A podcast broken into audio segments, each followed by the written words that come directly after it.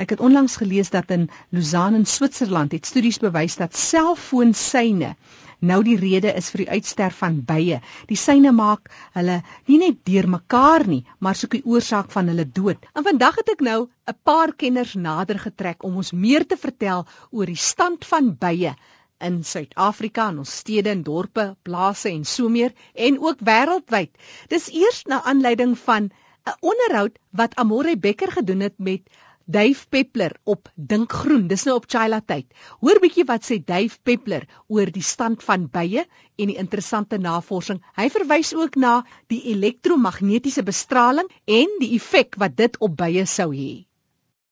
Reg oor die aarde waar bye voorkom, is daar hiperdramatiese afplattings. Jy kan nie glo in watter mate die goed verdwyn het nie. In sommige gevalle 60% plus van die bekende korwe en neste is eenvoudig weg sedert 2006.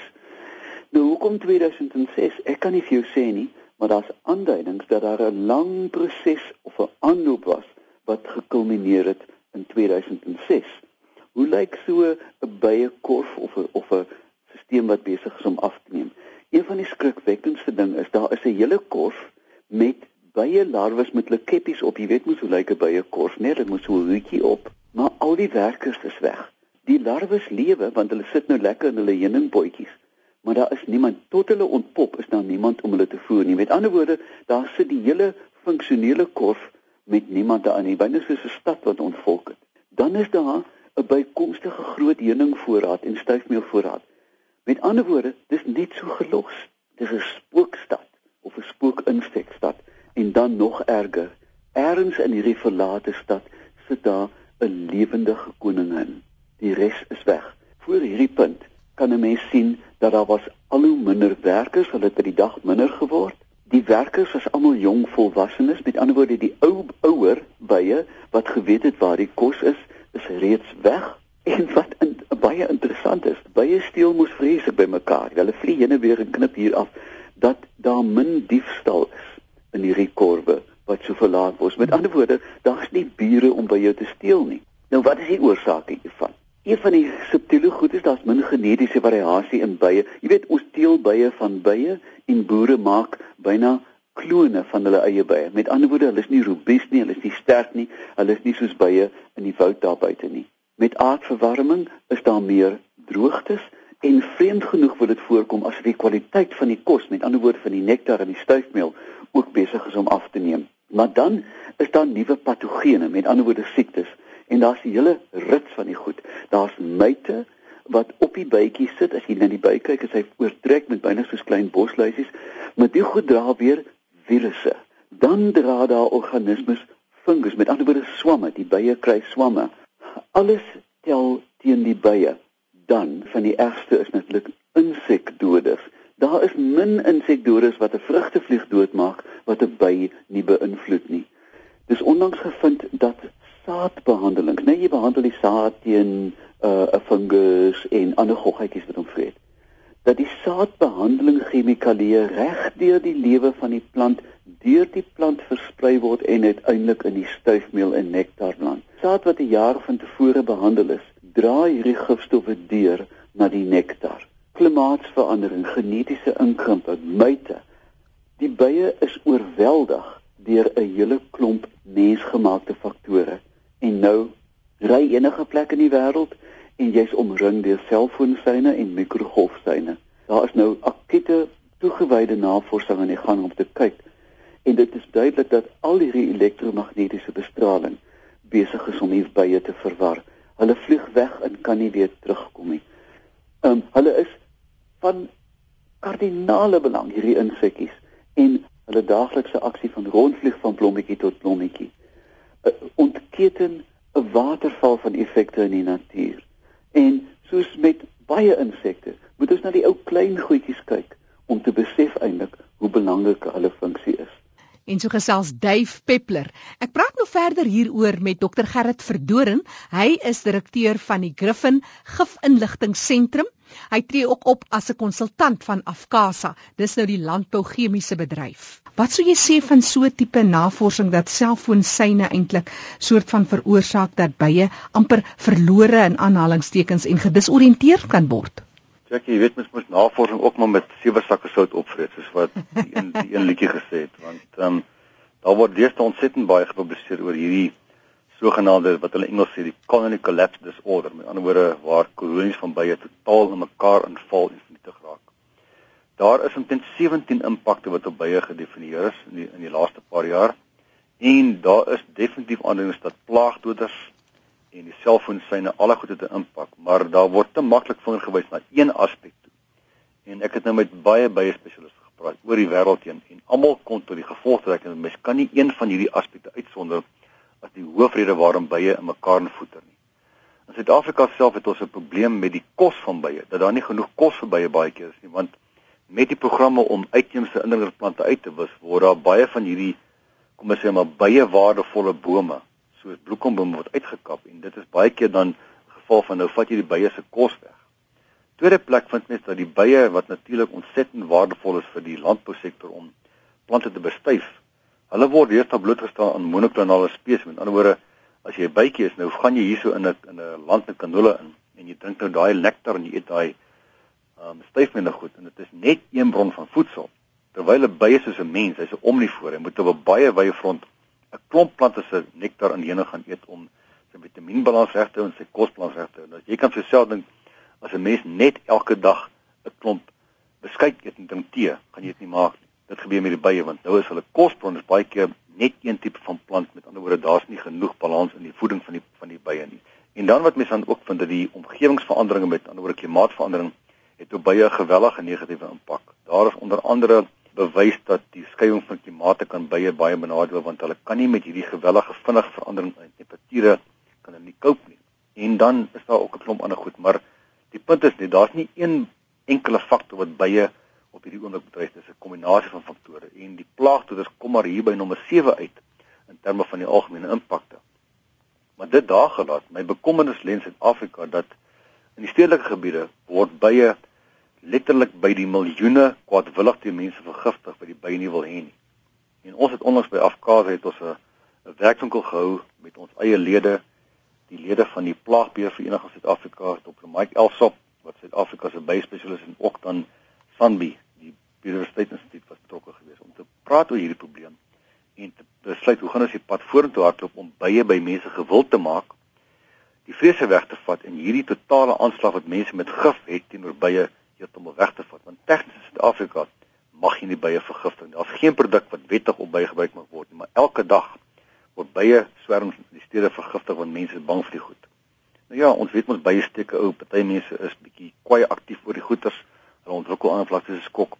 Maar meeste mense kan dit heeltemal oorleef en ek dink mens moet die vrese by mense besweer en dan moet ons bye verwelkom en bye help ons ekosisteem om in gang te bly Dit help ons om ons landbou in die gang te hou met ander die plante bestuif en natuurlik hierdie wonderlike goed genoem heuning. Ek weet nie of daar enige mense op die aarde is wat se mond nie gaan oopgaan as jy vir hom lepeltjie heuning aanbied nie. So ons moet die hele hele paradigma verskuiwing ondergaan ons denke oor bye in Suid-Afrika. Ek het nou die dag iets gelees waar byvoorbeeld op 'n perdeplaas as die perde beserings gekry het, van die eerste goed wat hulle op sulke wonde sit, is heuning.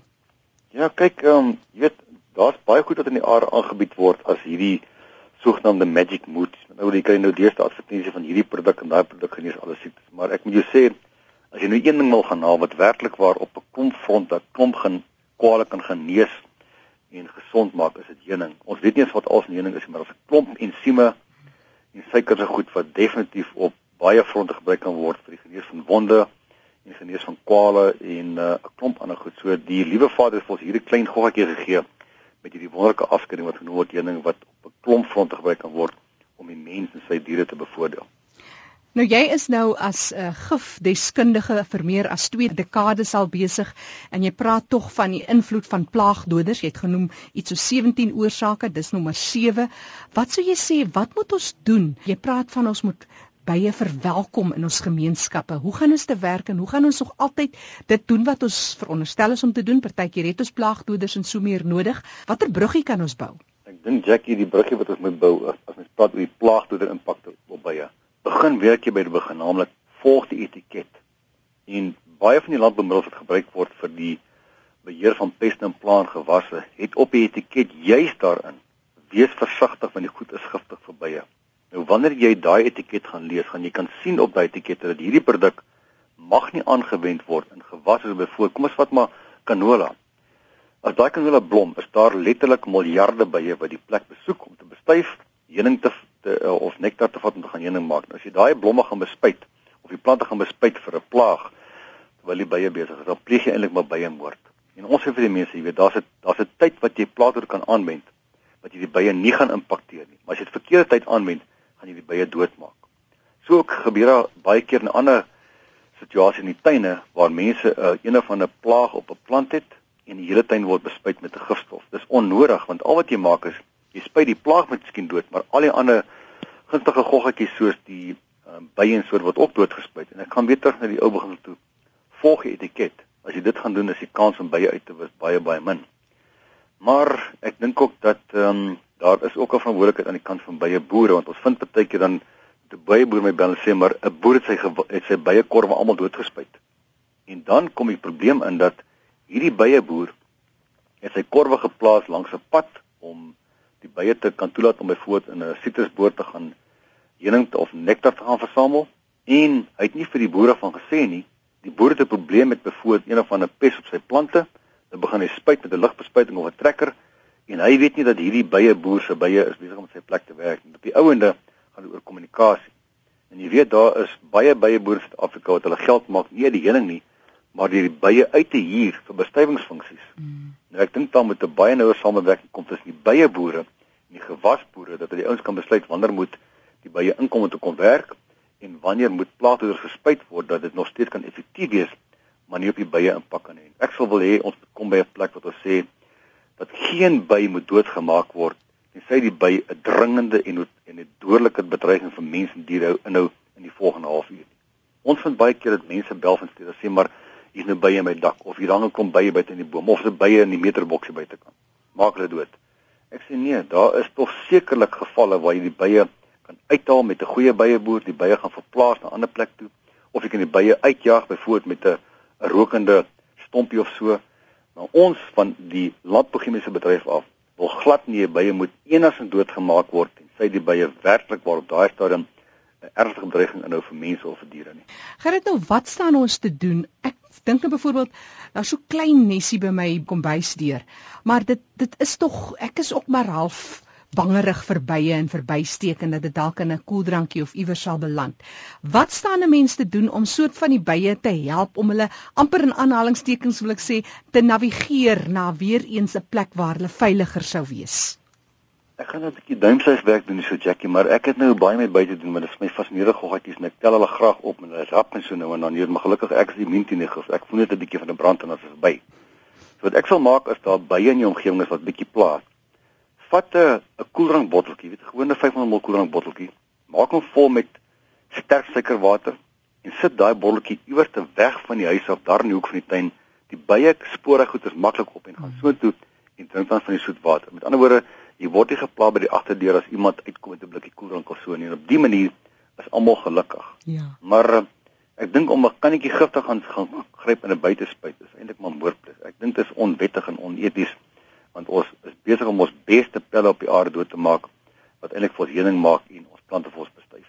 Is dit so erg? Dave Peppler het onlangs 'n uh, praatjie gelewer waar hy praat van hoe hierdie koningin bye eintlik daar sit en die werkersbye kom net nie terug nie. Die larwetjies gaan vrek ja. want daar word nie kos teruggebring nie. Presies is dit regtig dat ek meen ons kan omtrent niks doen as ons as ek meen daar's so baie dokumentêre en sulke goed wat mense kyk oor bye want dit is nie net in Suid-Afrika dis wêreldwyd wat hierdie tendens en dit is kritiese afmetings wat dit aanneem.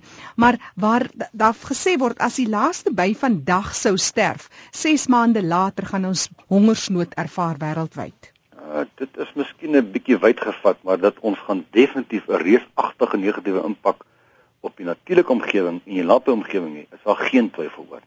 Definitief. Kyk ons tuine sal seker voortgaan. Maar daar's 'n klomp van die gewasse, byvoorbeeld die vrugtegewasse en van die kontantgewasse wat deur bye bestuif moet word. Met ander woorde, ons is afhanklik van ons vir ons kos van die bye van die aarde. So dit is definitief 'n feit. Jy kan vir self dink as jy nou 'n koningin bye is en jy's afhanklik van hierdie kos wat inkom, is dit met die vragte eiers en larwes moet gevoed word en niemand kom terug. Wat gebeur? Die hele kolonie verval aan mekaar, die nes vrek uit en daar is weer 'n keer 'n groot gat gelaat in die omgewing waar die bye ehm um, totaal afwesig is. En ek dink dit jy weet mens moet begin bietjie weier dink. Ja. Maar dit kom terug na die vrees toe mense het hierdie snaakse vrese oor vlermuise en bye en spinnekop en goeters. En ons het al die in groot mate die vlermuis ding gewen want mense is nou baie kino vlermuise te hê. En uile ek, ook. Ja, nie. uile ook. Ek sou dink jy weet dat in enige plaas of enige tuin behoort bye welkom te wees. En as daar 'n probleem ontstaan dat jy weet iemand in die familie is dan hypersensitief vir bysteke, praat met jou mediese dokter. Kry die spuitjies, kry die spuitjies met die adrenalien en die kortison antihistamiin en daardie goed by jou dat jy daai lewe kan red as op iemand gesteek word. Maar in die algemeen van meeste mense met 'n bietjie van 'n irritasie en bietjie pyn ervaar en dit is die geval jy gaan doodgaan van elke bysteek nie.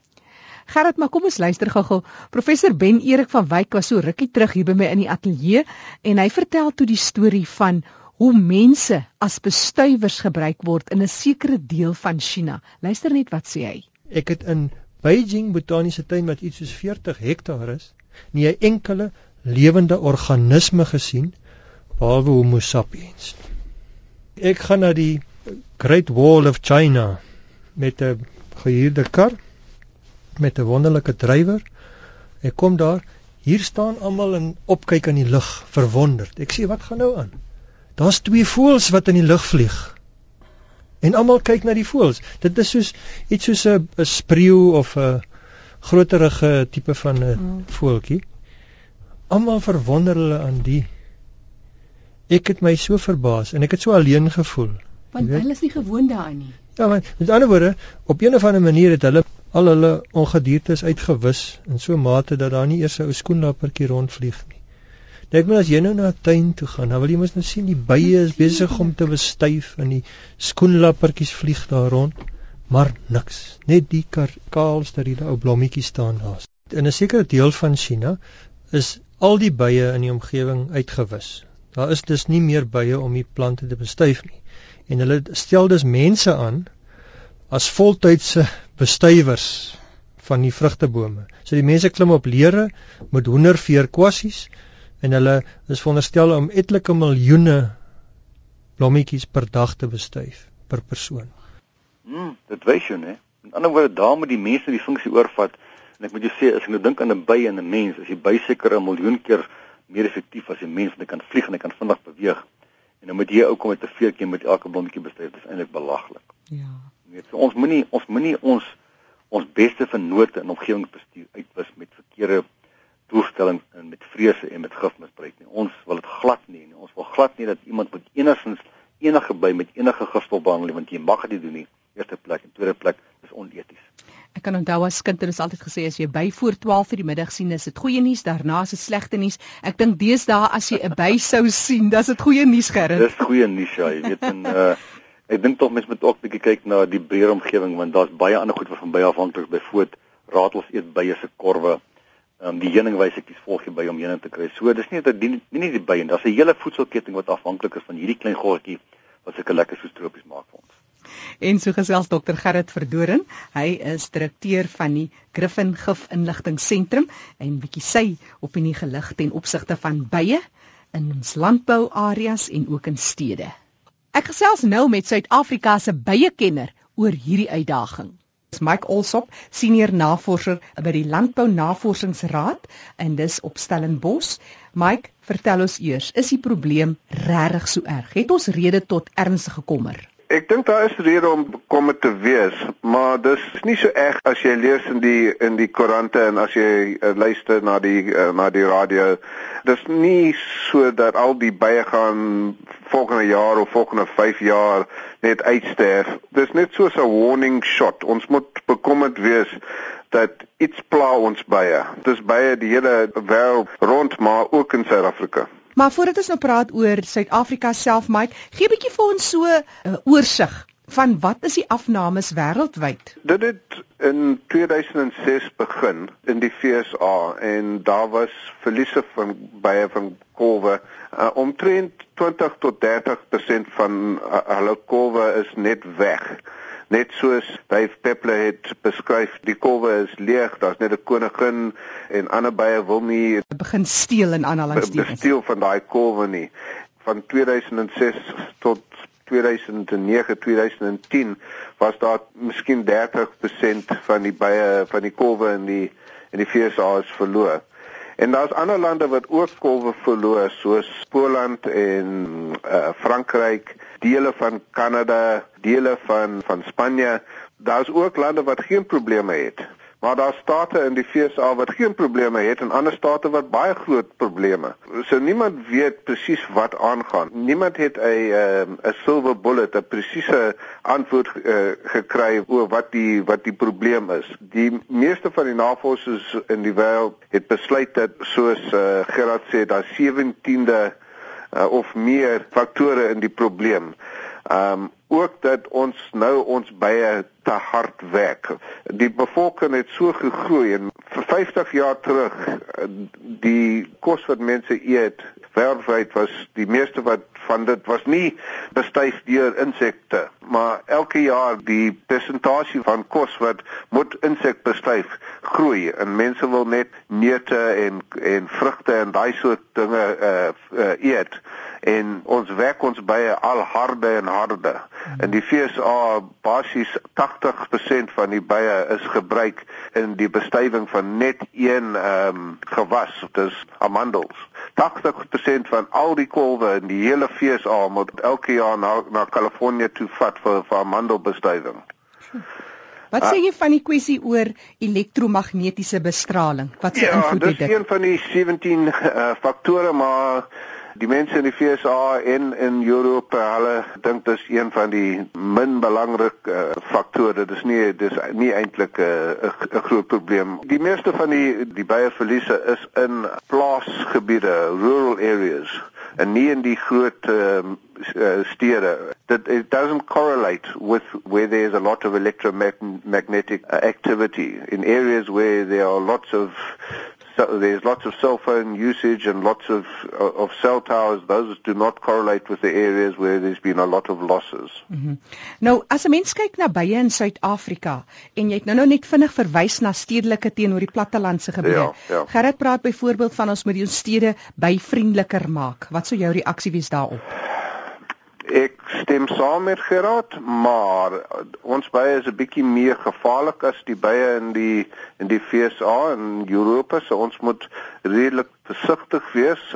Ons kan nie net sê dat uh, hagabee en bees are, you know, cute and cuddlies. Hulle is nie cute and cuddlies as bye kwaad word vir 'n mens en hulle hulle kan vinnig kwaad word as mense uh weed eaters gebruik of enige soort ding soos daai dan dan gaan die bye probeer om om die mens dood te maak. Hmm. Hulle verdedig hulle eintlik maar net self. Hulle verdedig hulle self. Hulle hulle is nie ag aggressief, hulle hulle verdedig net hulle self. Ehm um, maar op dieselfde tyd dan ons moet uh, uh regulasies instel dat maak dit meer more difficult. We need to make it more difficult. Ons moet dit ons moet dit moeiliker maak vir die mense. Om mense net by 'n dood te maak. Elke byboer eh, kry uh oproepe om bye te uithaal. As jy na Tannie Marie of Mrs Smith gaan en daar's uh, kolfbye in 'n boom of in die, onder die vloer of in die dak en jy sê vir die tannie jy kan 4 uur vat om die, die bye uit te haal en dit gaan R600 kos en 'n uh, ander byeboer of selfs iemand anders kom en sê nee maar hy kan die bye vinnig doodmaak vir R50 wat gaan die tannie doen hmm, seker die laaste nie hmm. en ons moet dit uh, onwettig maak hmm.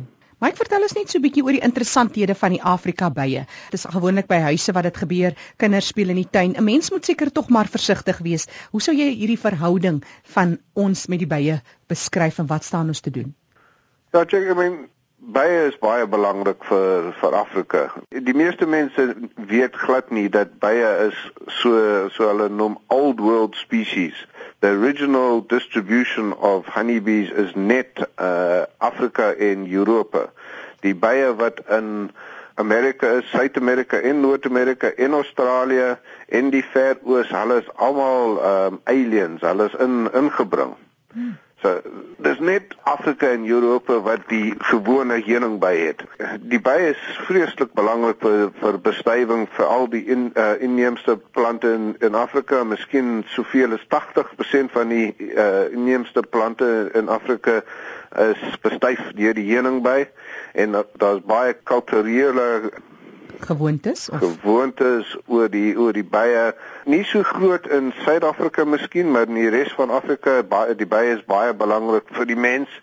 Maar op dieselfde tyd ons moet weet dat die die heuning by bietjie van 'n gevaarlike ding is omtrent 25 20 tot 30 mense is deur heuningbye in in Suid-Afrika elke jaar doodgesteek. Dis baie. Dit dit is baie. Hulle is gevaarlik. Hulle is nie aggressief, maar hulle hulle gaan hulle hulle kolf beskerm en as as jy pla vir die by, hulle gaan probeer vir jou doodmaak die Afrikaanse by is is anders as die bye wat jy in Europa kry. Hulle waarsku eh, eh, 'n mens, hulle probeer hulle vlieg tot en, en hulle bump teen jou uh, normaalweg op jou voorkop een of twee keer en en hulle die by sê vir jou okay move along now. Maar as jy nie luister nie, dan gaan hulle vir jou steek. En as jy as 'n kind hardop nie weg nie of jy as jy 'n uh, koei is wat in 'n in 'n hok is of honde wat kan nie uh, uit die uit die tuin kom, dan gaan hulle vir jou doodsteek. Jy praat van 25 tot 30 mense per jaar word doodgesteek met bye. Is dit individuele bye of is bye ook geneig om in swerms aan te val? Ja, dis 'n dis 'n moeilike vraag want van die term swerms In Engels ons ons ons praat van 'n swarm of bees. A swarm of bees is bees that have moved from one nest site to another nest mm, site. Van hulle trek. Hulle trek, hulle it's reproduction and a swarm of bees is not aggressive. Mm. Hulle maak 'n groot geraas en daar's duisende bye wat wat rondvlieg, maar hulle is nie aggressief. Maar 'n kolf, a colony that's in a existing nest site as hulle in 'n boom is of in die dak of enige plek, dan het hulle kos en hulle het babas en het hulle hulle het styfmeel en alles en hulle gaan dit beskerm. In daai geval is is hulle defensive. Die mense wat doodgesteek is, daar is mense wat allergies is uh, vir bye en van een een steek kan doodgaan, maar as ek van 20 tot 25 mense praat elke jaar, dan praat ek van mastings. Dis mense wat aangeval is deur koloniebye en dis mense wat ehm um, die gras sny of uh hulle plaag uh, uh, uh, die veld of hulle doen ietsie en 'n kof by 'n um, aanval. Al die boodskap vir die al die mense van Suid-Afrika is dat mense praat van food uh, sustainability. Ja. En mense praat van hoe belangrik dit is dat dat ons self-sufficient vir, vir kosproduksie. Een van die key components of crop production is is bestuivers. Dis net so belangrik as water en fertilizer en enige ander ding. Hulle praat van 'n ecosystem service, a critical ecosystem service. Dis hoekom die the CBD, the Convention for Biological Diversity, hulle het daar so dings uh, hulle noem dit die International Pollinator Program. Dis wêreldwyd dat alle lande moet probeer om hulle bestuivers te beskerm. En ons doen baie werk in Suid-Afrika in daai geval. Die grootste probleme wat ons kry vir uh, bestuivers soos heuningbye, maar al bestuivers, is daar's te min kos. Daar's te min plekke waar ons kan eh, heuning by kolwe hou. Baie boere sukkel om om staanplekke te kry. The toughest thing for any commercial beekeeper is to find places to keep bees, safe places to keep bees. Die mees belangrikste ding dat 'n mens kan doen in Suid-Afrika om bestuivers en uh byboere te te akkommodeer. Uh, akkommodeer is om bee friendly forage to, to plant that we need, whether we're talking about municipalities or we're talking about individuals in suburban gardens or we're talking about farmers. As ons kan meer baie vriendelike kos plant dan gaan ons ons bestuivers bevorder. Ehm um, net so ter afsluiting wat sou jy sê vir Jan Alleman wat is byvoorbeeld van die mees algemene sulke byvriendelike uh, blomme of plante bome wat is dit? Ek weet dis 'n moeilike vraag, maar as jy net 'n paar kan uitsonder. Ons werk uh, met SANBI, South African National Biodiversity Institute. Daar's 'n bee forage project. Daar's 'n klomp studente wat werk op hierdie projek. Een van die ehm um, deliverables van hierdie projek gaan 'n uh, boek en pamflette wees. Ons gaan lyste vir die hele land en die die verskillende gebiede in in die land die die baie vriendelike plante al ons kan dit opbreek in in in die soorte dit gaan bome en shrubs en gewasse en al daai soort dinge uh, wat baie vriendelik is en maak dit beskikbaar vir al die vir die boere en vir Jan Alleman. Ja, en ek dink die groot woord hier sal seker wees, dit moet inheems wees, goed wat tradisioneel in die area voorgekom het. Ja, nie nie 100% nie. Ons gaan seker probeer soveel as ons kan om inheemse uh, bome en inheemse plante te gebruik. Maar ons moet weet dat as ons dink oor die die gewasse wat ons produseer in Suid-Afrika, daar's basies niks wat in inheemse is. Ons kan nie die die klokkie terugsit 400 of 500 jaar. The reality is that 70% or 80% of all sustainable bee forage in South Africa is from exotic plants. Mm. Dis die dis die realiteit. As ons sê dat uh, ons moet net inheemse bome en inheemse plante gebruik, dan gaan ons nie 'n uh, 'n baie bedryf hê nie. Dis net die realiteit. En so gesels Mike Olsop. Mike is senior navorser by die Landbou Navorsingsraad op Stellenbosch. En Mike het vir ons die prentjie 'n bietjie meer volledig geskets. So, daar is waarskuwingstekens in die natuur dat ons besig is om ons bye te vernietig. So wees verantwoordelik, vergewis jou van die feite en dra jou deel by tot 'n omgewingsvriendelike en volhoubare omgewing.